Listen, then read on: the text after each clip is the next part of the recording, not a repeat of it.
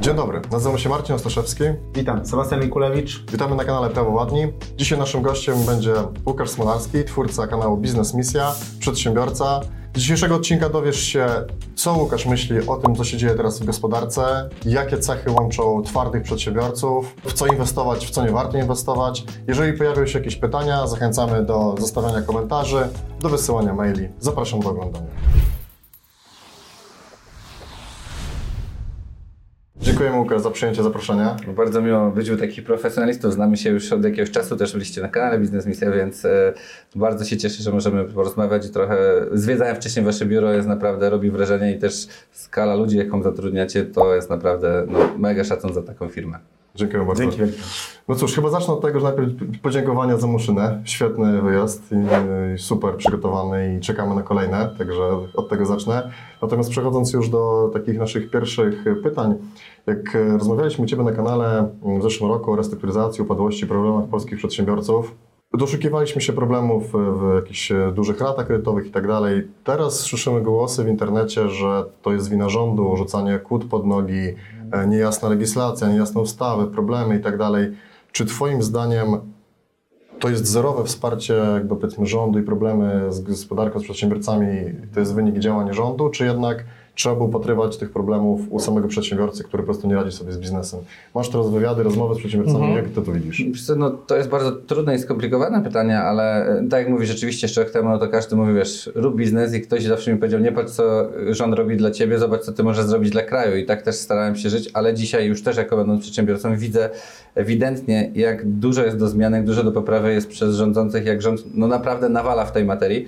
Jeśli chodzi o przedsiębiorców, no to dzisiaj nie jest problemem, że mamy, nie wiem, nawet rachunki wysokie i tak dalej. Oczywiście ceny coraz trudniej robić, ale te ceny skąd się biorą? Inflacja, tak jak mówimy, bazowa i tak jak mówi przez MBP, ile rząd mógłby zmienić, jest ewidentnie większa niż na przykład inne kraje, więc widać, że tutaj jakby rząd no nie radzi sobie z inflacją, ale to jest jeszcze najmniejszy problem. Sam widzę po sobie, że dzisiaj mamy tak niejasne, przejrzyste warunki prowadzenia biznesu, czyli ja nie wiem sam, jak nawet organizowałem imprezę, której mówiliśmy Muszynie, musiałem zapłacić 23 VAT, okazało się, że w hotelu była tarcza i oni wystawili na zero VAT, musiałem cały VAT oddać, nie mogę zrobić w kosztach, dzisiaj jest 8%.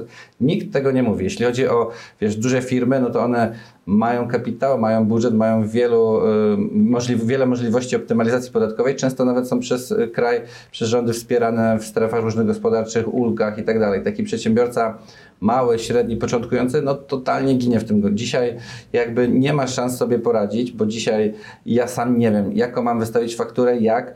Idę, robię to po prostu tak, jak gdzieś ja wiem, jak mi powie księgowa. Dzisiaj się okazuje, że księgowa nie do końca może to wiedzieć. Mówi mi księgowa, idź do doradcy podatkowego, doradcy podatkowy znowu, zanim się znajdziesz termin, jak jest dobry i tak dalej, to minie, a ty musisz działać na nadzień. nie? I to trochę powoduje, że zabrnęliśmy e, w taką sytuację, że te firmy po prostu padają przez to, że jest tego wszystkiego za dużo, jest tak niezrozumiałe i później może Urząd Skarbowy po paru latach przyjść i powiedzieć, ale, ale pan zrobił źle, proszę wracać, dostajesz kary, że jakby dzisiaj przedsiębiorcy potrzebują jasnych warunków. Ja bym chciał prowadzić biznes i, nad, i, i, i chciałbym wspierać nawet państwo, jak trzeba, jakimiś podatkami, a niech mi powiedzą jasno, robię taką działalność, mam taki podatek i jest tylko jedna droga, żeby to prowadzić, nie? Dzisiaj masz 50 i zazwyczaj ta, która jest najgorsza, jest taka powiedzmy promowana przez rząd i ty idziesz drogą i nagle się okazuje, że ty nic nie zarabiasz, bo jak sobie odliczysz te wszystkie koszty, podatki, już nie mówię czas spędzony na tych doradców księgowych, no to gdzie masz zarabiać? A na końcu klient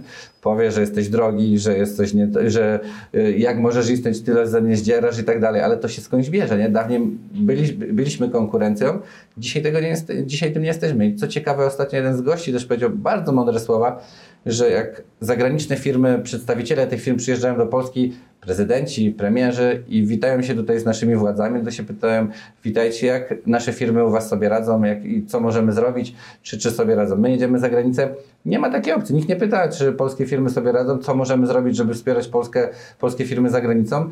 Tego po prostu nie ma. Nie? Kolejna rzecz jeszcze taka jest, że tak jak ja założyłem firmę. Ja nie dostałem maila, panie Łukaszu, jest pan na początku drogi, może pan skorzysta z takiej tarczy, dla pana może być taka dotacja, może pan zrobić to tak. Totalnie tego nie ma. Ty jak sobie nie poradzisz, to giniesz. A teraz jak masz sobie na początku poradzić, jak sami wiecie i też rozmawialiśmy wiele, że na początku pracujesz 24 godziny na dobę. Ty nie masz czasu na to, żebyś sobie siadł dzień czy dwa i poszukał w internecie, czy chodził, a może to, może to. Nie masz czasu. Ty musisz zarabiać na te podatki i utrzymanie. I teraz, jeśli ty nie dostajesz tego wsparcia, no to padasz. I o ile kiedyś dawaliśmy radę, bo była jeszcze jakaś marża, była tania siła robocza, była jakaś, no ta konkurencja mm, może, może można powiedzieć była mniejsza, to dzisiaj te giganty, gigantyczne firmy trochę nas zabijają, powodują, że tych firm jest coraz mniej. Ja nawet przed wywiadem czytałem e, raporty, że rok do roku w pierwszym kwartale 38,6% firm miało, zgłosiło więcej e, wniosków właśnie o restrukturyzację, o upadłości i tak dalej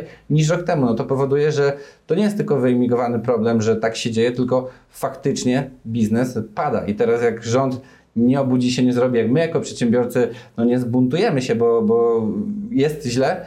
Każdy mówi, że źle jeszcze działa, ale niedługo już ten tak łatwo nie będzie. Te, te osoby już nie będą działały. Już, już mówiło się o hotelach, o tych jakoś jeszcze dajemy radę, ale to jakoś się skończy. Nie idziemy taką równią pochyłą w dół i, i mam nadzieję, że, że jakiś rządzący się obudzą, że może się zmieni wreszcie coś, czy władza, czy w ogóle jakieś przepisy, bo inaczej zabijemy biznes. Ja nie chcę pracować dla giganta w korporacji, mieć tak samo jak każdy, bo, bo ja y, jak wy pracowałem po 24 godziny, chcę coś od życia osiągnąć, ale chcę też, żeby żądał mi fair warunki do prowadzenia tego biznesu, a nie karał mnie za to, że jestem bardzo pracowity, że nie spędzam czasu z rodziną, z dziećmi, że nie jeżdżę tak jak inni na wakacje albo wieczorem nie siedzę w pubie, bo zamknąłem drzwi o 15 czy 17 pracy i tak naprawdę nie korzystam. To jest mój świadomy wybór, tylko że ja dzisiaj za ten świadomy wybór jestem karany i czuję się dużo gorzej niż taki, co po prostu tylko pracuje i też go szanuję, powiedział, chcę robić tak, bo on wtedy żyje, ma czas na innych rzeczy, więc jak mamy dzisiaj rozwijać przedsiębiorczość, jak ona jest zabijana, nie? Więc w skrócie,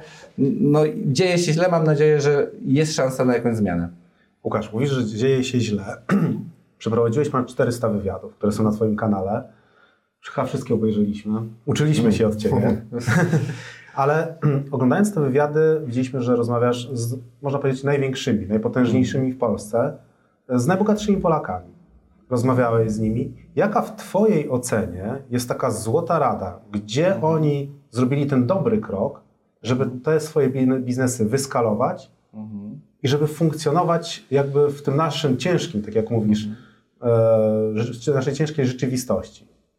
Wiesz co, no to jest, patrząc naprawdę, już myślę, że jest ta cała wspólna, to też było założenie biznes misji, sprawdzić, czy jest jakaś cała wspólna ludzi sukcesu, które osiągają i ona naprawdę jest. I tą, tą cechą to jest właśnie przede wszystkim determinacja, że tutaj nie ma tego poddania. Widzisz taki cel długofalowy i według mnie tych ludzi odróżnia ta motywacja, nie poddają się, bo my często jako ludzie po prostu mamy, no nie wiem, pójdę na siłownię, będę ćwiczył i chodzę miesiąc, no dobra, już mi się nie chce i odpuszczam, nie? Tutaj tak samo jest w biznesie.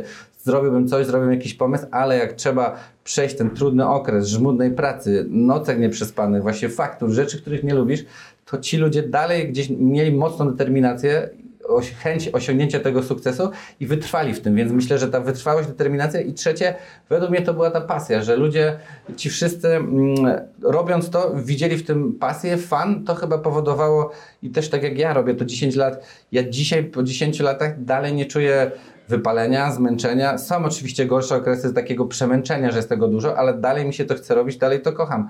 Będąc w korporacjach to było różnie. Zmieniałem firmy co jakiś czas, to dlatego, że czułem się już taki wypalony, niepotrzebny, czasami myślałem, kurczę, mam tyle lat, czuję się jak emeryt, nie robię tego, co chciałbym robić. Mówię, inni zmieniają świat, coś robią, a ja siedzę i klepię jakiś tam, nie wiem, program w teamie 400 osób. W ogóle jestem niezauważalny, czy ja jestem, czy nie, nic by się nie zmieniło. I to trochę tak powodowało, że pracowałem, bo musiałem zarabiać pieniądze. To była jakaś taka ścieżka rozwoju, bo była praca, dostałem. I patrząc na to, że wiele osób tak pracuje, bo musi, i to też no, nie ma co negować, no tak jest po prostu, trzeba zarabiać i to jest dużo lepszy wybór niż leżenie i czekanie na rozdawnictwo, programy 500 plus i później patologię, ale ci ludzie właśnie odkryli jakąś pasję, poczuli tą determinację i później przesunęli taki poziom ryzyka, bo dzisiaj też jesteśmy tak wychowani. W ogóle, jeśli nie byłeś z domu przedsiębiorcy, no to raczej zawsze mówili: idź na etat, będzie pewna praca, nie, wiesz, tam sąsiad poszedł, super zarabia, stabilizacja. Ja sam miałem nawet, jak zmieniałem pracę gdzieś, co ty trzymaj tej pracy, to jest taka dobra praca i tak dalej. Wszyscy nawet z rodziny mówili, więc tutaj i, i tak samo takim przedsiębiorcom się mówi, nie zakładaj, nie rób i tak dalej, ale oni znowu przez tą terminację i trochę ja to widziałem też po Muszynie, coś, co się totalnie bałem, że przyjedzie do mnie, przyjedą topowi przedsiębiorcy, jak ja sobie poradzę, czy ich ugoszczę, czy nie będzie jakiegoś tam nie wiem, fakapu, rozczarowania i później jak przesunąłem to ryzyko, to byłem taki dumny, mówię, wow, zrobiłem coś fajnego i zupełnie inaczej się już czuję, jestem poziom wyżej, nie? już się nie boję tego robić i wydaje mi się, że patrząc na tych przedsiębiorców, oni to osiągnęli, bo nawet w takim ciężkim środowisku każdy ci mówił nie, nie, nie, a ty powiedziałeś, ja to robię i bardzo ryzykujesz, bo możesz oczywiście dużo stracić, kilka firm pewnie się zamknęło, ale w mojej perspektywie uważam, że to jest jedyna droga do takiego skoku rozwojowego, czyli pasja, determinacja i chęć ryzyka i, nawet, i naprawdę spróbowanie. Idziesz pod prąd, nie uda się, wracasz, bo ci te osoby mówiły, robisz rachunek sumienia, robisz co poszło źle, masz mega doświadczenie, bo to spróbowałeś, wiesz co poszło źle, więc robiąc kolejny krok, ty jesteś dużo dalej niż ten, kto znowu chce próbować, nie wie, waha się, zrobiłeś, wiesz czego wyciągnąć lekcję, najwyżej skręcasz w innym kierunku, ale idziesz do przodu. I te osoby cały czas jak patrzę, to raz widzę w nich taką naprawdę, jak oni o tym opowiadają, e, takie, aż się oczy świecą, że oni to naprawdę kochają, lubią, szczycą się tym, mówią, jak on mówi, że nie wiem, czy to Michał Sowa, idzie zaraz na spotkanie, idzie do firmy, mówi o jakichś tam patentach i widzę, jak on przeżywa to dalej, po tylu, wiesz, sukcesach mógłby leżeć, nic nie robić, nie ma tam jakby e, leżenia i to powoduje, że to chyba pokazuje, że to jest prawdziwa pasja, miłość, czyli osiągnąłeś sukces, jesteś niezależny finansowo, mógłbyś nic nie robić, ale ty to robisz, bo to jest twoje życie. Jak on by to przestał, to pewnie by umarł, albo, albo wiesz, bo po prostu by zdziadział, więc dalej to ich trzyma przy zdrowiu, biznes na tym zyskuje, bo mają mega doświadczonego gościa, który to robi, no i summa summarum e, to powoduje, że te firmy się skalują, bo zawsze spotkasz, robiąc działając, będąc takim odważnym ryzykantem, spotkasz ludzi różnych, dobrych i złych.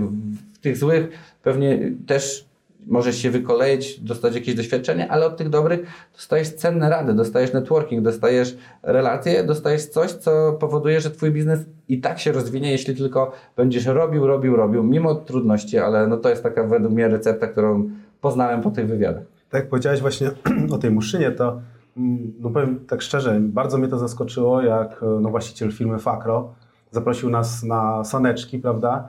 No podjeżdżamy pod te saneczki, a pan prezes zdejmuje sanki i nam nosi na, na górę te sanki, tak? No ja byłem pod wielkim wrażeniem, naprawdę wielkości tego człowieka też, tak? I tak naprawdę można powiedzieć, że właśnie taka jego misja, tak, żeby, żeby dla wszystkich było fajnie na tym wyjeździe, nie? Tak naprawdę nie musiał tego robić, tak? Mhm, Zdecydowanie, no wiesz, y, gościliśmy, my jakby mieliśmy tam wynajęty hotel, więc czasami się nam wydaje, że właśnie taka osoba to jest jeden z najbogatszych Polaków, no to wiesz, będzie leżał, palił cygaro, będą go wozić i trochę, wiesz, i z tyłu na siedzeniu Maybacha. Tak właśnie nie jest. Ci ludzie właśnie tą wielkość pokazują w tym, że są normalni, dostępni ludzie i tym według mnie budowali ten sukces, że tą dostępnością zarażali innych, bo jak właśnie widzisz takie coś, to od razu czujesz do tego gościa w porządku, to jest w porządku gość, możesz z nim pogadać. Jakbyś widział, że no nie wiem, trzech gości siedzi w ochroniarze i leży taki gościu na kanapie, no to byś pewnie mógł, ciężej by ci się było dogadać, nie? I wydaje mi się, że często, tak jak ktoś mówi, to wygl- wygląd na pozór, takie trochę imponowanie samochodami, pokazywanie,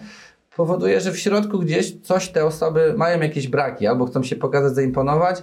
Często nie są to dobrzy partnerzy biznesowi, bo mogą po prostu cię też gdzieś ciągnąć w dół. Będą patrzyli właśnie na kasę, na pokazanie i tak dalej, nie na jakąś taką wizję budowania, rozszerzania, e, rozbudowy biznesu, zrobienia coś może dla siebie, dla innych, dla historii, ale dopiero za tym idą pieniądze, nie, nie na takim pierwszym miejscu, bo tutaj no, było widać, ile ten człowiek robi. Yy, gdzieś tam, no nie wiem, kupił górę, zrobił tor saneczkowy unikalny w skali Europy, za chwilę ma inne plany, za chwilę tu jakieś patenty na okna, za chwilę jakieś odnogi, bielizna, która i tak dalej. No cały czas idzie ten rozwój, że też mówiliśmy o tym, że to była osoba, która e, dzięki niej między innymi powstał CID estoński, żeby właśnie pomagać przedsiębiorcom. I to jest tak, że cieszył się ta osoba do mnie, pan Szerfer, jak zadzwonił po wywiadzie i sam mówi, Łukaszu, to był świetny event, tak się cieszę, że poznałem tak wspaniałych ludzi mam nadzieję, że wielu z nich będzie też później dużymi globalnymi firmami, trzymam kciuki, ale mówi, że on dostał cenny feedback, bo to jest też dla niego fajnie, że chce być z takimi ludźmi, bo widzi, jakie mamy problemy, że tu jest coś nie tak, tu jest coś nie tak i tak w skrócie, ale mogę powiedzieć jedną szybką e, sytuację, że on nawet nie był świadomy, że jeden z naszych gości miał kamienice, które mają e, przez to, że są kamienicami, akurat to chodziło o Łódź, mają problem, że konserwator zabytku nie pozwala dawać okien dachowych, bo to jest y, niby zabytek. Zwykłe kamienice, które są mieszkalne. Na zachodzie, jak badał rynek, cała, cały zachód ma taką możliwość, może stawiać okna i pan Szefler tego nawet nie wiedział.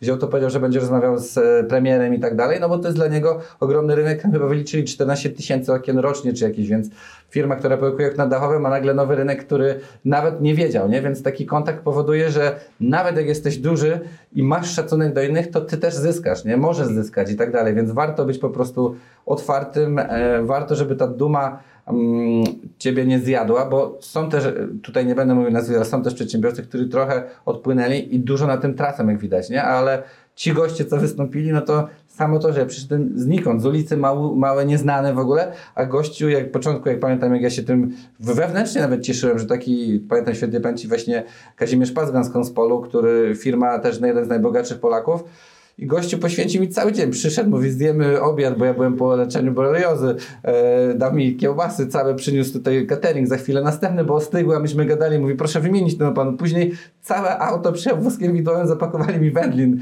To było wakacje, więc ja nawet ich nie byłem w stanie dowieść tutaj do Warszawy, więc całej rodzinie znajomych jeździłem, wtedy rozdawałem, bo żeby się nie zepsuło. Ale kurczę, mówię, jaka klasa. Gościu, przeliczyłem, że na minutę zarabia jakieś miliony, patrząc na firmę, ile zarabia, a gościu spędza z tobą dzień i cię słucha, nie? I to było takie mm, miłe zaskoczenie, że jeśli tacy ludzie znajdują czas i, dla, i ukłony dla małych, no to tym bardziej my, przedsiębiorcy, też powinniśmy sobie pomagać. Nieważne, czy ktoś jest mniejszy, czy większy, ale pomagać. Nie zazdrościć, jak dawniej było przyjęte, jak sąsiad ma coś lepiej, to ukradł, tylko pomagamy sobie. Jestem nawet mały, to może ktoś jest mniejszy, któremu ja mogę pomóc, ale ktoś może mi pomóc. I jak teraz wśród przedsiębiorców będzie taka kooperacja, taka nawet nieformalna, że ja przychodzę nie jako konkurencja, tylko ci chcę pomóc. Siadamy, co możemy zrobić razem? Może możemy się, nie wiem, podzielić w jakiejś dziedzinie, stać się ekspertem, stanąć do przetargu razem, zrobić coś razem, wspomóc, a może wejdziemy w inną gałąź, ale rozmawiamy i to i tutaj chyba się zyskuje, jak jesteś taki naprawdę fair, że masz czyste zamiary, ktoś ma czyste zamiary,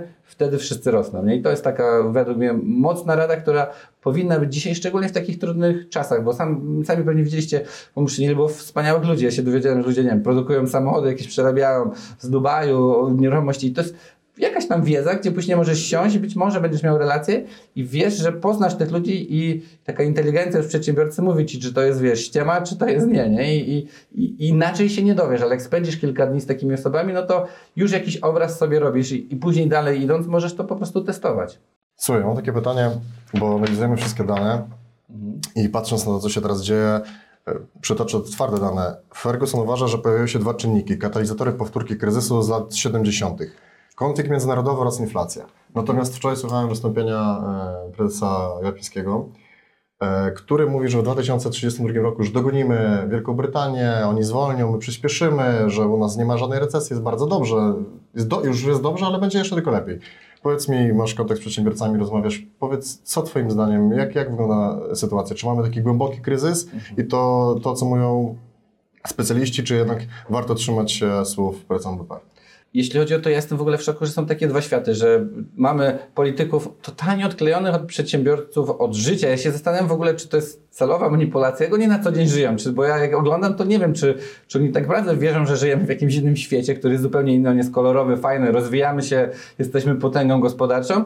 Czy to jest takie celowe, żeby wygrać wybory, żeby manipulować ludźmi, bo to już nawet nie jest śmieszne, bo ile kiedyś mogliśmy się śmiać, to te heheszki dzisiaj się jakby przekładają na, na, na biznes. Patrząc na przedsiębiorców i na siebie, jest według mnie totalnie źle. To nie ma co się cieszyć, że super, bo jeszcze sobie radzimy, bo jakiś PKB i tak dalej, bo to jesteśmy jeszcze rozpędzoną gospodarką. To ludzie mają majątki, mamy różne sytuacje, jak na przykład kryzys na wschodzie, który pomógł, że przyjechali Ukraińcy. Oni zaczęli u nas wydawać pieniądze, więc to nas trochę ratuje. Ale z drugiej strony straszą nas, że upadają banki, no to ludzie nie chcą trzymać oszczędności w bankach, więc na siłę kupują, więc mieszkania rosną w górę, bo ludzie wydają ostatnie pieniądze. Ale to się kiedyś skończy. Jak wrócimy do tego, to się okaże, że tak, ludzie nie mają oszczędności, bo wsadzili w różne inne aktywa, pasywa i tak dalej. Odpłyną nam, jeśli się skończy konflikt, ludzie, którzy nie będą wynajmować tych mieszkań. Zostaniemy z wieloma mieszkaniami. E, No ja tak sobie rozsądnie, bo zawsze mówimy o tych nieruchomościach spadną czy nie spadną, ale Nasze społeczeństwo się starzeje. Jak ja na przykład jadę gdzieś tam nawet do rodzinne strony na wsi i widzisz mnóstwo domów i w tych domach dawniej mieszkało wielopokoleniowe rodziny, dzisiaj mieszkają dziadki tak naprawdę. Młodzi wynieśli się i kupili sobie mieszkanie nie wiem, w dużych miastach, jak będzie Kraków, Warszawa. Czy oni wrócą na te domy? Nie sądzę, więc za jakiś czas takich powiedzmy nasi rodzice jak odejdą i tak dalej, no to przecież całe wsie, miasta zostaną, bo kto chce dzisiaj wrócić na wieś, jeśli ona jest daleko od, nie mówię od ośrodka, bo jest moda jak mieszkasz w Warszawie, oczywiście każdy by chciał mieszkać pod Warszawą na wsi, mieć dom i szybki dojazd i tak dalej, ale jak masz,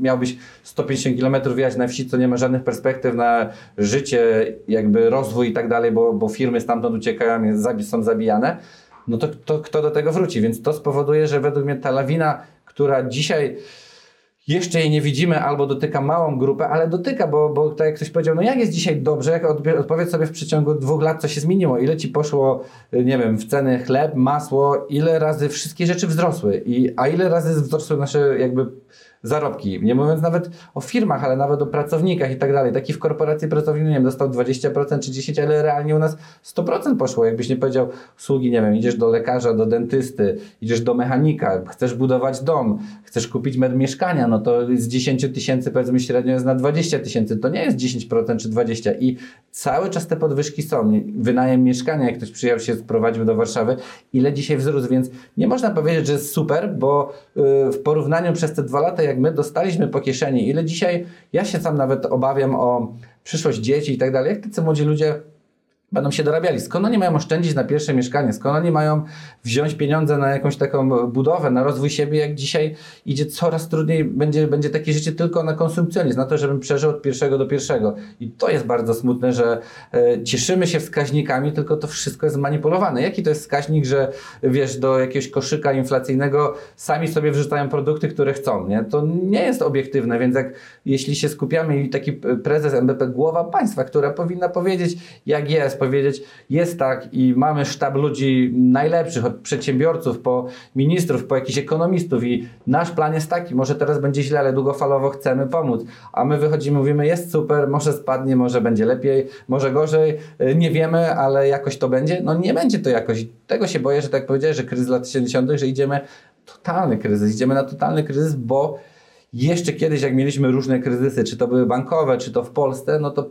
my jesteśmy strasznie zaradnymi ludźmi jako społeczeństwo, bo za to kocham mieszkać w Polsce, kocham tu Polaków, bo na skali świata naprawdę jesteśmy pracowici, innowacyjni, chce się nam, próbujemy, ale no przy takim kryzysie gdzie pojedziemy? Dawniej to jeszcze właśnie się ratowaliśmy. Był kryzys, no nie wiem, mężczyzna w domu mówi, jadę do Anglii, jadę do Włoch, jadę do Ameryki w latach właśnie takich 70., 90., migracja, zarabiali, przywozili dolary, budowali tu potęgę. Nie tak dawno budowaliśmy kraje skandynawskie, była Anglia, teraz to się kończy. U nas jak będzie źle, to gdzie my pojedziemy? Nie będzie miejsca do ucieczki. To spowoduje, że no będzie źle i nie poprawisz tego bytu, choćbyś chciał. A znowu jako przedsiębiorca, no to żeby zarabiać musisz mieć klientów. Jak klienci będą najpierw musieli mieć pieniądze na swoje jakieś potrzeby, no to koło się zapętli. Myślę, że nie chcę tutaj być pesymistą, ale jak się nie ogarniemy, to po prostu będzie się żyło gorzej. I to nie mówię, że może będziemy mieli bardzo źle, że nie będzie co jeść, ale no martwię się o to, że już się tak nie dorobimy, że nie będzie takiego posiadania, co w mojej opinii jest dobre, bo jak coś posiadasz, choćby to było swoje mieszkanie,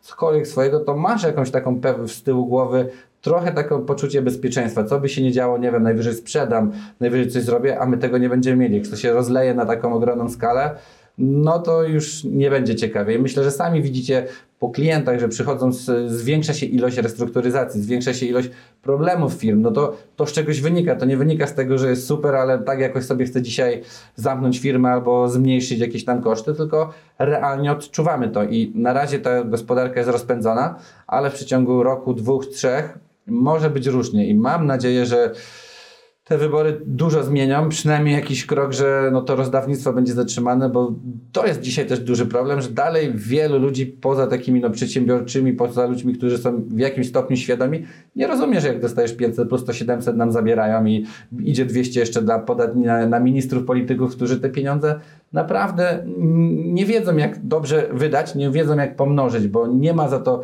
konsekwencji, nie ma rozliczania w swoim biznesie i jakbyś tak robił, to byś po miesiącu był zaorany i, i, i był pod mostem. A tutaj bez konsekwencji zabiera się pieniądze, nie reinwestuje, nie pomaga przedsiębiorcom budować tego biznesu, tylko jest po prostu yy, no, kładzenie kłód pod nogi, już nie mówiąc inwigilacji, kontroli skarbowej i tak dalej. Łukasz, mamy rok wyborczy. Załóżmy, że jesteś Sławkiem Mencenem. Co byś obiecał Polakom? To jest w ogóle, bo wiesz, y, nie chcę tutaj takich, wiesz, mówić kompetencji, bo nie znam się tak, nie? To też jakaś jest machina e, bardzo skomplikowana, więc nie chcę wchodzić w jakieś tam buty, ale tak wprost na pewno byłbym znienawidzony, ale zabrałbym te programy, zobaczyłbym ile mogę wyliczyć, e, ile mam jakieś pieniędzy, na pewno bym nie rozdawał, nie miałbym, trochę niestety zrobiłbym być może jakieś drużyny, że za jakieś tam sukcesy dopiero jest, jest e, pens, wypłata, premia i tak dalej, na pewno zrobiłbym tutaj inwigilację polityków, prawdziwą inwigilację, że nie ma czegoś takiego, że jestem lepszy, bo jestem polityk, nie ma kolesiostwa, że zatrudniam kogoś, bo będę miał układy i tak dalej. Rozwalałbym urzędników niestety po prostu coraz mniej, bo jest automatyzacja, jest doba cyfryzacji, możesz właśnie zarejestrować, masz dowód e, i tak dalej. To powoduje, że my powinniśmy mieć mniej urzędników, niech ci urzędnicy się szkolą, robią, może, może będzie ich więcej, ale róbmy nowe odnogi, może będą jakieś programy dotacyjne, gdzieś, gdzie są potrzebni, a nie gdzie po prostu są, bo są i to jest jakby jedna rzecz. I najważniejsze to jest to, co każdy powtarza, deregulację. Po prostu zrobią czysty biznes.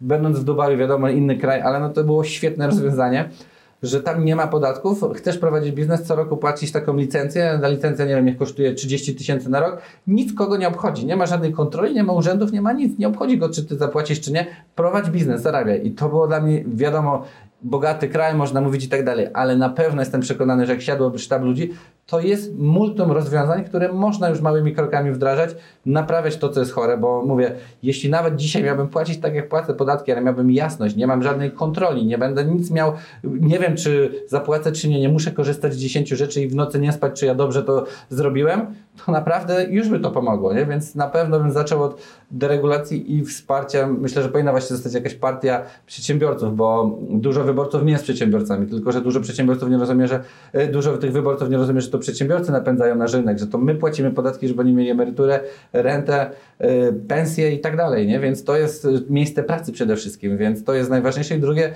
NFZ, no to jest już długa historia, nie, nie będziemy w nią wchodzić, ale no dzisiaj nie powinno być tak, że idziesz, czekasz na dwa lata, czy na wizytę i albo dożyje, albo nie dożyje, to wtedy się zwolni miejsce, nie? To jest chore, bo my na te podatki płacimy, nie? Więc myślę, że to jest kolejna rzecz wtedy myślę, że żyłoby się nam lepiej, ale mówię, proces pewnie skomplikowany i tylko to, co mogę dodać, to to, co właśnie powiedziałem, że na pewno da się to usprawnić. Słuchaj, a powiedz mi, masz setki tych wywiadów, jaką, jaką taką największą lekcję albo jaki wywiad najbardziej zapadł Ci w pamięć? Czy jest jakiś taki jeden szczególny, czy, czy masz coś takiego, co, co, co zawsze gdzieś tam siedzi Ci w głowie?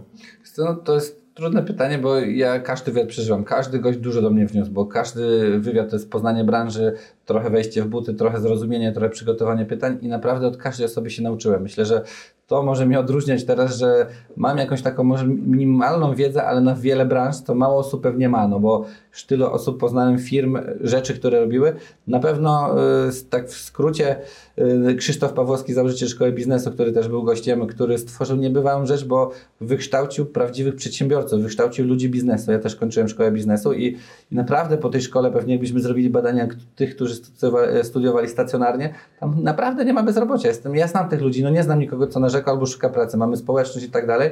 Dał wiedzę, która jest no, genialna i to zrobił dla narodu polskiego, był kiedyś senatorem, że dzięki jakby swoim jakby tutaj mm, już koneksjom, trochę władzy, zrobił coś, co pchnęło gospodarkę do przodu, wykształcił ludzi, takich, których potrzebuje gospodarka i oni tworzą miejsca pracy. To jest naprawdę numer jeden, jeśli chodzi o takiego mojego mentora i, i, i ludzi. Na pewno ta historia ciekawa jest y, też z Kazimierzem Pazganem, sądeckim przedsiębiorcą, który no, gościu powiedział, że miał problem z utylizacją mięsa w Indonezji, bo było bardzo e, drogie, przez temperatury się szybko psuło, no to wymyślił, że otworzy farmę aligatorów i zaczął karmić aligatory tym mięsem, nie musiał płacić, jeszcze hodował aligatory i zaraz sobie myślę, kurczę, gościu, Polak robi takie rzeczy na końcu świata, no to aż takie się była duma i serce radowało, że są, e, że są na świecie takie, takie osoby. Oczywiście, e, no Michał Sławow, samo przeżycie, ile gości robi firm, ile w ogóle jakieś takie podejście pozytywne, że mówisz o biznesach, i też taka wiedza, która jest potrzebna i właśnie to mnie zawsze dziwi, że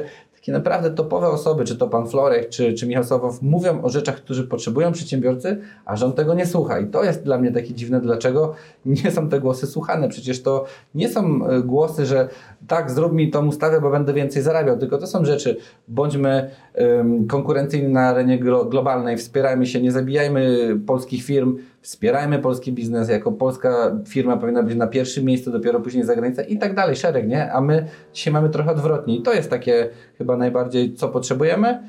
I mówię, tych gości jest mnóstwo, na pewno jeszcze święty będzie ksiądz Jan Kaczkowski, który dał takie przesłanie w ogóle życiowe o tym, że w życiu też no, nie można tylko biegać za biznesem, pieniędzmi, są też wartości jak rodzina, ale w ogóle wartości, czyli bycie dobrym człowiekiem. Tak jak ktoś powiedział, bycie dobrym człowiekiem po prostu się opłaca, poza tym właśnie idą pieniądze, biznes i wszystko dalej. Mówisz o tych właśnie takich topowych przedsiębiorcach. Wiemy, że oni potrafią inwestować. Ale czy w Twojej ocenie polscy tacy zwykli przedsiębiorcy potrafią inwestować, czy źle inwestują, przeinwestowują, inwestują w tak zwane głupoty? No to jest y, bardzo dobre pytanie. Wydaje mi się, że nie umiemy inwestować, ale to też wynika z braku czasu, bo kiedy, tak mówiliśmy, pracujesz 24 godziny, ja sam nieraz chciałem, czy to w jakieś tam, wiesz, no różne yy, aktywa inwestować i po prostu nie masz czasu stać ekspertem, więc albo polegasz na jakichś doradcach i później się okaże, że to jest ściemanie doradca i straciłeś pieniądze, bo ci mówił intratna inwestycja, będziesz miał zarobki. Nie potrafimy, ale też nie mamy czasu. Jakbyśmy mieli ten czas, to myślę, że dużo bardziej byśmy inwestowali, a jest taka moda na różne inwestycje i na różne szemrane firmy, które cały czas Cię kuszą, więc jako taki przedsiębiorca każdy z Was pewnie był kuszony, że świetny, tu zainwestuj, tu nieruchomość, to i teraz być może część z nich jest dobra, ale wiele jest niestety i to też widzę po, y, po sobie, ile, ile gdzieś tam y, ludzi przychodzi i tak dalej. Nie są to do, nie są dobrymi, są to po prostu oszustwa i, i myślę, że ta wiedza też nigdzie, nigdzie nas tego nie uczą. Nie nauczyłeś się w szkole, nie nauczyłeś się na studiach, musisz uczyć się w życiu, musisz uczyć się na błędach, więc te nasze inwestycje jako tako nie są do końca trafione. Cieszę się, że z czasem choćby taki kanał ma trochę za zadanie powiedzieć, pokazać, znaleźć w głębi, wiesz, jadąc nawet na, e, jadąc nawet na jakieś tam, nie wiem, zebranie czy w pracy na spotkanie, możesz sobie włączyć taki podcast, posłuchać i coś się dowiedzieć, żebyś właśnie nie tracił tych pieniędzy, bo to jest dzisiaj najważniejsze. I, i jak widzę, ci duzi inwestują, pomnażają dochody, ci na początku jak mają, dużo chcą się pokazać, więc kupi samochód, wrzuci sobie w koszty, kupi sobie jakieś jachty i tak dalej. I z czasem widzi, jak mu się uda, że jednak to nie jest dobra inwestycja i się tego uczy, że no może to jednak y, wypożyczyć lepiej, może lepiej nie mieć i zaczynają budować taki solidny fundament, jeśli chodzi o inwestycje. I myślę, że to się zmienia i trochę nieskromnie powiem zasługa po prostu YouTube'a, social mediów, tych ludzi, którzy to mówią, bo, bo nie ma takiej wiedzy, nie? Niestety uczymy się o, o, o, wiesz, pałeczkowaniu, o innych rzeczach, a nie uczymy się o tym, jak dbać o nasze pieniądze i pomnażać. To w co nie inwestować i na co uważać? No ja bym uważał na takie firmy, które same do ciebie przychodzą i mówią ci, że super inwestycja. Już bym lampkę, bo jak ktoś przychodzi coś ci sprzedać, to chce na tym dużo zarobić. Ja zawsze tak, to jest moja taka jakby strategia, nie twierdzę, że są złe, ale nawet jak gdzieś, nie wiem, kupowałem samochód używany, to nie szedłem do komisu, bo wiedziałem, że ktoś chce na mnie zarobić. To auto może być już złomem nawet podrobione, wyczyszczone gdzieś tam i już ktoś na mnie zarabia. Wolałem szukać od prywatnej osoby, bo wiem, że ona sprzedaje, może być w lepszej stanie. I trochę tak jest, że jak, nie, jakby jak ja bym miał polecić w co nie inwestować, to w rzeczy, na których się nie znamy. Jest to bardzo ciężkie, jest moda na różne alty i tak dalej, kup sobie i tak, ale jak się na tym nie znasz, to inni zarabią, ty stracisz. To nawet nie dlatego, że ktoś może mieć oszustwo, tylko nie masz czasu. Będzie jakaś górka, ktoś ci powie, zaraz będzie spadać, a ty nie masz czasu posłuchać tej informacji nagle budzisz się, że spadło ci o 200%, nie wiem, o 100%, prawie do zera, nie mam nic. Więc jakby ja uważam, że ja staram się też takie rzeczy inwestować, na których trochę się znam, trochę miałem gdzieś doświadczenia, trochę kogoś podsłuchałem,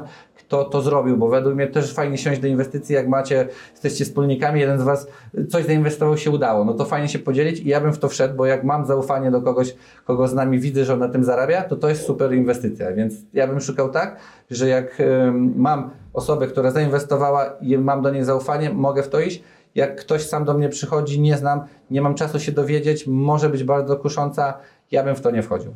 Opowiedz, mówiliśmy o tych przedsiębiorcach naszych polskich i to, jak to wygląda za granicą.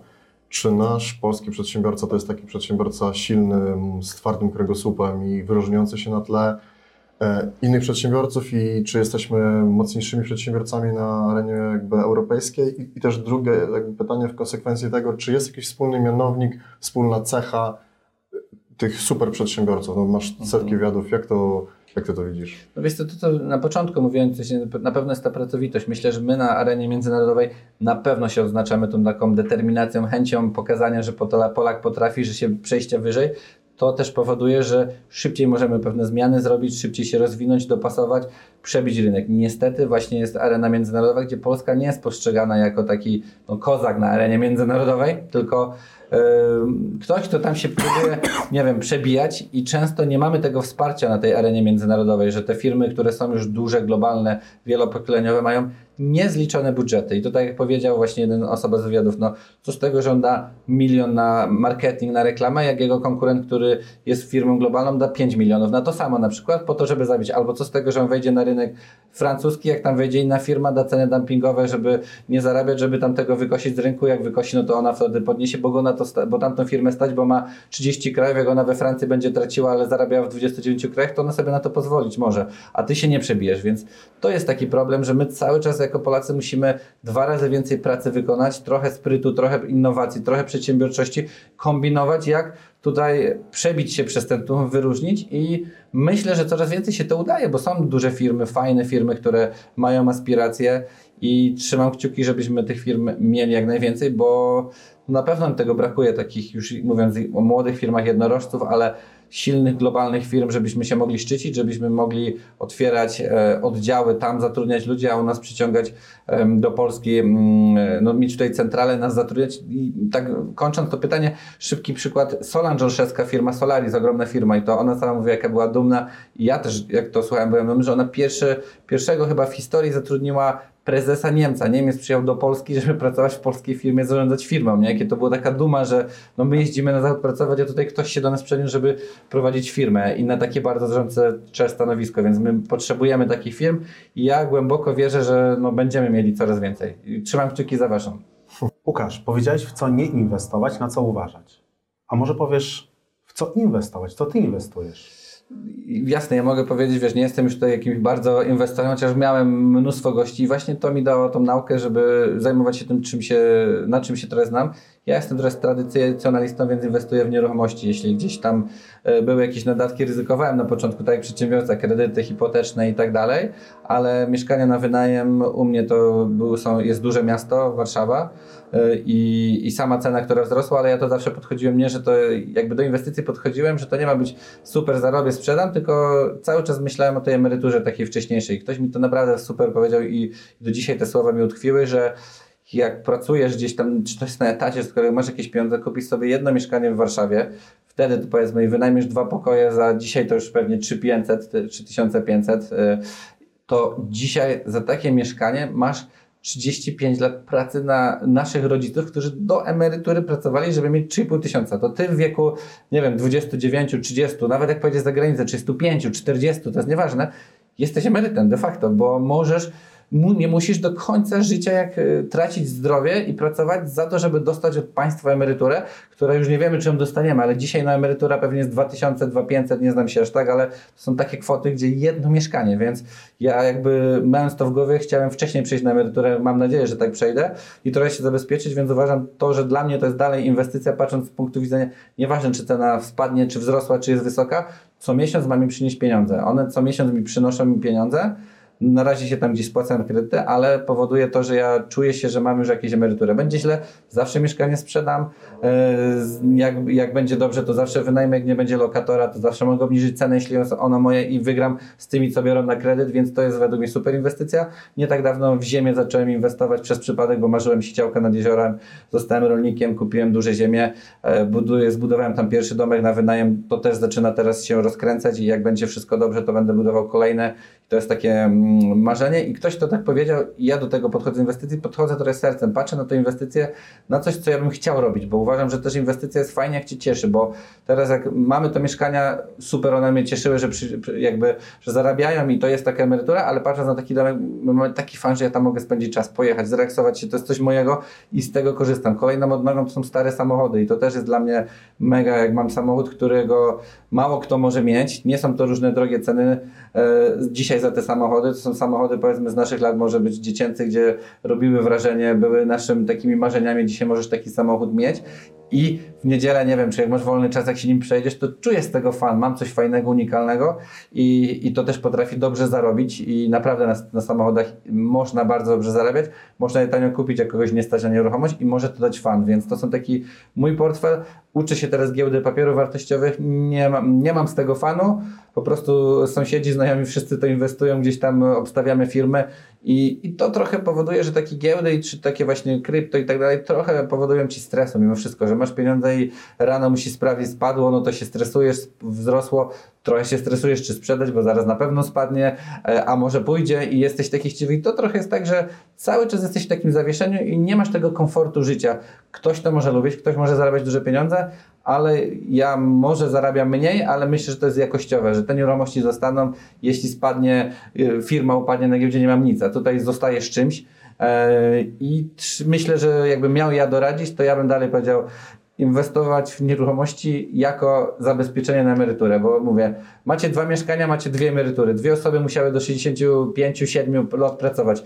Jak wam się uda mieć cztery, cztery osoby muszą tyle pracować, co wy już macie do tej emerytury, nie? I jesteście niezależni od systemu. Możecie sobie leżeć, już nie mówiąc, że w wieku 67 możecie jedno mieszkanie sprzedać, jak macie dwa nawet i macie taką emeryturę i jeszcze macie pieniądze, że sobie jeździcie, jak was, e, jak macie no to ochotę po całym świecie i zwiedzacie najlepsze hotele, jak się widzi za granicą, nie wiem, dziadków, babci z Niemiec, z Hiszpanii, nie widać Polaków, no to mam nadzieję, że ta nowa fala takich jak my będzie właśnie powodowała, że my będziemy sobie jeździć dumnie Polskę reprezentować.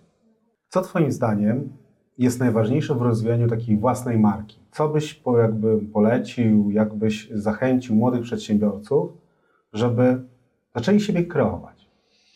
No dzisiaj właśnie nie zwracamy to uwagi, bo biegamy i tak dalej. E, ja uważam, że dzisiaj jest wspaniały czas na to, że powinniśmy o tym pomyśleć, bo mamy te social media, które, no ja się znalazłem 10 lat temu robiąc to z pasji, nie wiedziałem, że to będzie mój pomysł na życie, ale dzisiaj widzę poprzez różne wywiady, z którymi prze, przeprowadzam z ludźmi, które są też często komercyjne, jak przedsiębiorca po takim wystąpieniu staje się takim jak ja to nazywam, człowiekiem zaufania publicznego, czyli trochę jesteś w stanie poznać firmę, ale poznać właściciela, założyciela, poznać misję, poznać wartości, wyczaj, jakby samemu ocenić, czy chce z tą osobą robić jakiś biznes. I, I często nie mamy tego, bo jak widzisz ulotkę ze sklepu i tam jest produkt, nie wiesz, co za tym stoi, nie wiesz, jaki ktoś przeszedł trud, żeby do tego dojść, jak on to robi, co, co, co to spowodowało. To powoduje, że dzisiaj bardziej kupujemy przez emocje, przez zaufanie. Mówię, fajni goście, tak jak nie wiem, wy chcę, jak mam problem, zgłaszam się do tych i do tych osób, więc nie zapominajmy o tym i uważam, że dzisiaj powinniśmy stawiać, każdy powinien walczyć o to, żeby gdzieś się pokazał. Czy to będzie niezależnie od kanału, ja uważam, że YouTube jest najlepszy i, i, i zawsze o tym mówię, bo na YouTubie film nie ginie. To znaczy, że jak zrobicie dzisiaj raz, to przez rok, dwa, dziesięć, jak ktoś wyszuka imię, nazwisko na was trafi. Jak zrobicie to na innych platformach, bardzo ciężko to znaleźć, szybko ucieka, jest tak przeładowanie, że ciężko cokolwiek starego znaleźć. I uważam, że niezależnie jaka to jest forma, jakie medium, Pokazujcie siebie, bo dzisiaj jak nie pokazujecie siebie, to giniecie. Dzisiaj nie trzeba wydawać majątku na reklamę, jak dawniej w telewizji przed i tylko najwięksi, tylko przez social media mali mogą być największymi, mogą zbudować ogromne zasięgi.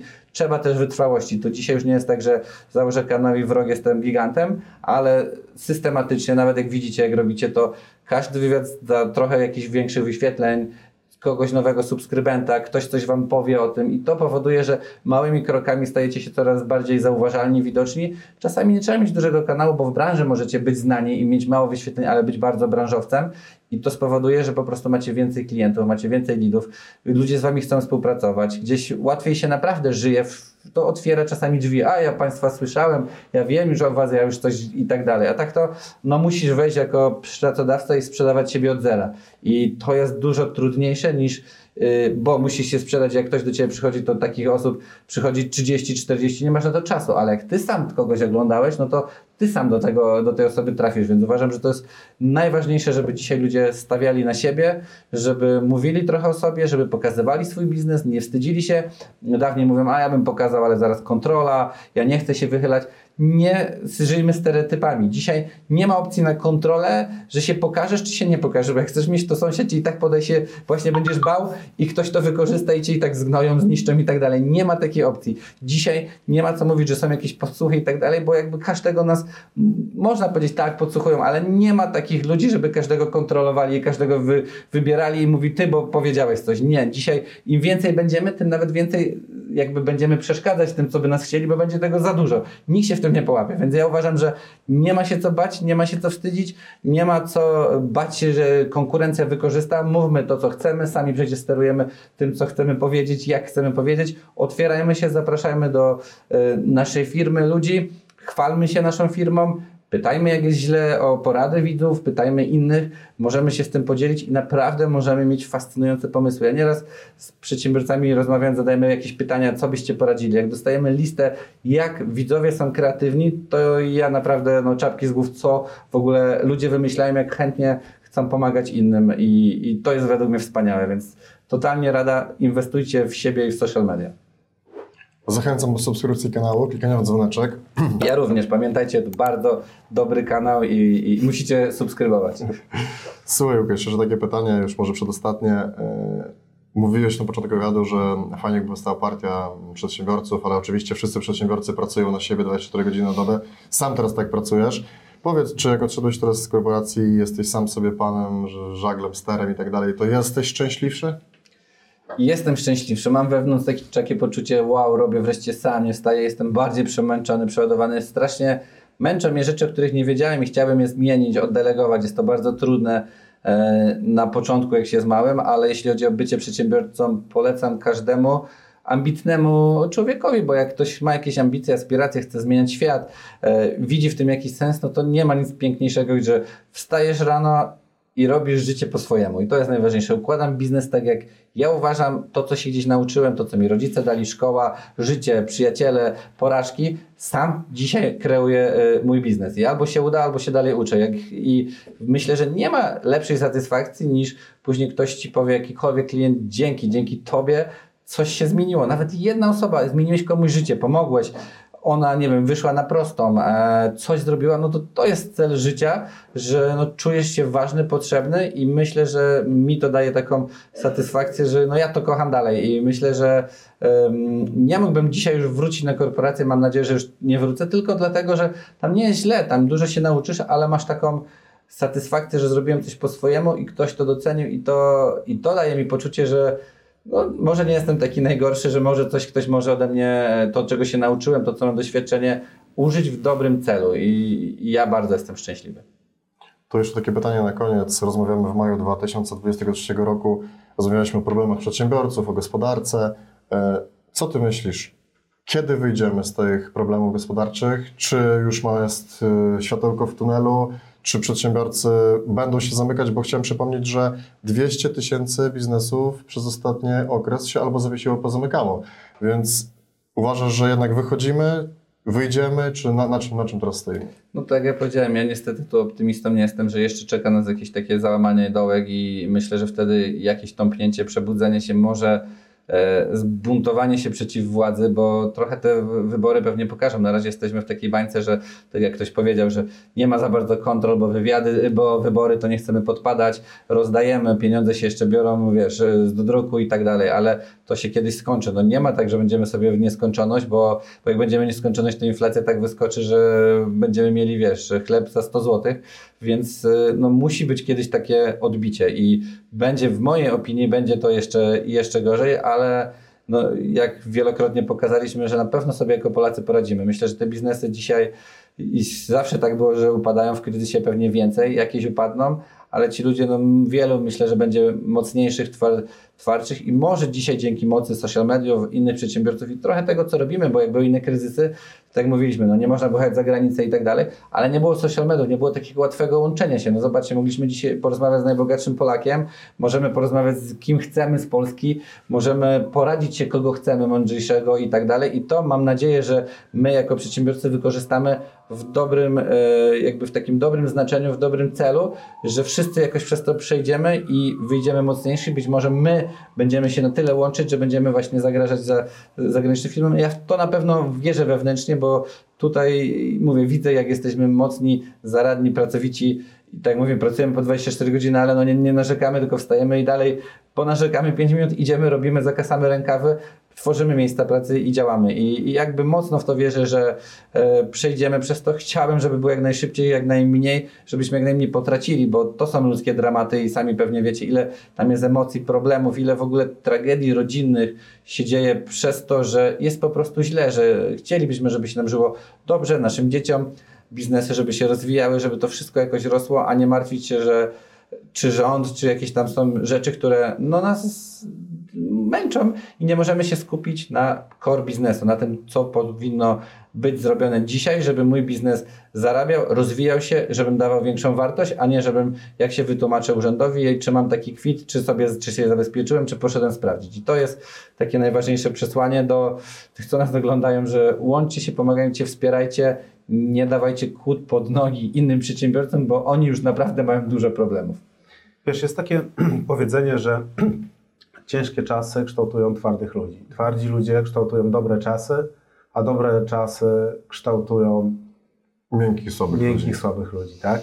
Gdzie my teraz jesteśmy? No myślę, że właśnie niestety ci między ludzie są kształtowani, kończą się kształtować, bo musimy się obudzić i trochę tak jak się mówi, że nowe pokolenie nie chce mieć mieszkania, nie chce mieć tego i tak dalej, oni się też obudzą, nie chcą, bo wszystko mają, bo jak tata da ci to, to, to i stać cię na to i na to, ale jak taki, tacy ludzie, co są tacy wolni nagle i trochę taki dla mnie lekkie cwaniaczki, mówiąc, że no bo ja nie potrzebuję, się to przemieszczę, jak się im to skończy, bo jak założę rodzinę, mm, wiesz, dużo możemy powiedzieć, że nie chcę dzieci, ale jak połączą się, będą dzieci, będzie taka stabilizacja, to sobie nie wyobrażam, że z dzieckiem, jak masz w szkole, będziesz co pół roku sobie zmieniał miejsce zamieszkania, dziecko pójdzie ci do innej szkoły, że ty będziesz bez e, mieszkania, jak stracisz pracę, to co, rodziców już nie będzie, którzy ci pomogą. Majątki, e, nasi rodzice dzisiaj, czyli my, nie mamy jeszcze aż tak duży zgromadzony, że dawniej, nie wiem, dali ci pole, które wzrosło 100 razy i mogłeś teraz to pole sprzedać, zbudowałeś dom i tak dalej, bo my jako młodzi tak przeciętni nie kupujemy dzisiaj areałów pola, nie dostajemy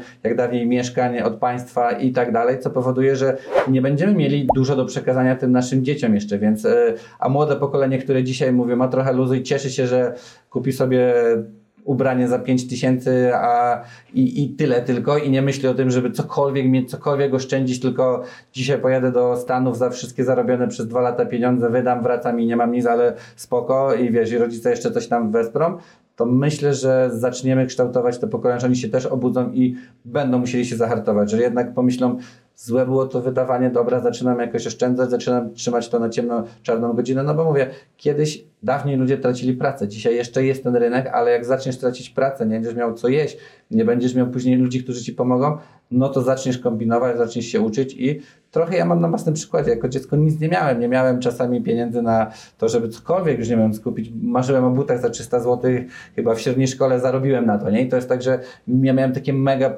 chęć do zarobienia, do poczucia, do zmiany tego stanu życia. I dzisiaj nie mamy tego mega chęci do zmiany stanu życia, bo żyje się nam dobrze, bo na wszystko jest, ale jak będzie taki stan, to musi, będziemy się hartować i myślę, że czekają nas czasy znowu to odbicie, że będziemy tworzyli silne jednostki i, no i trochę liczę, bo te silne jednostki też zmieniają świat, bo to, to żeby zarobić, żeby coś zrobić, żeby się podać, musisz coś wymyśleć, kombinować, a to powoduje, że rozwijasz się i, i, i innych.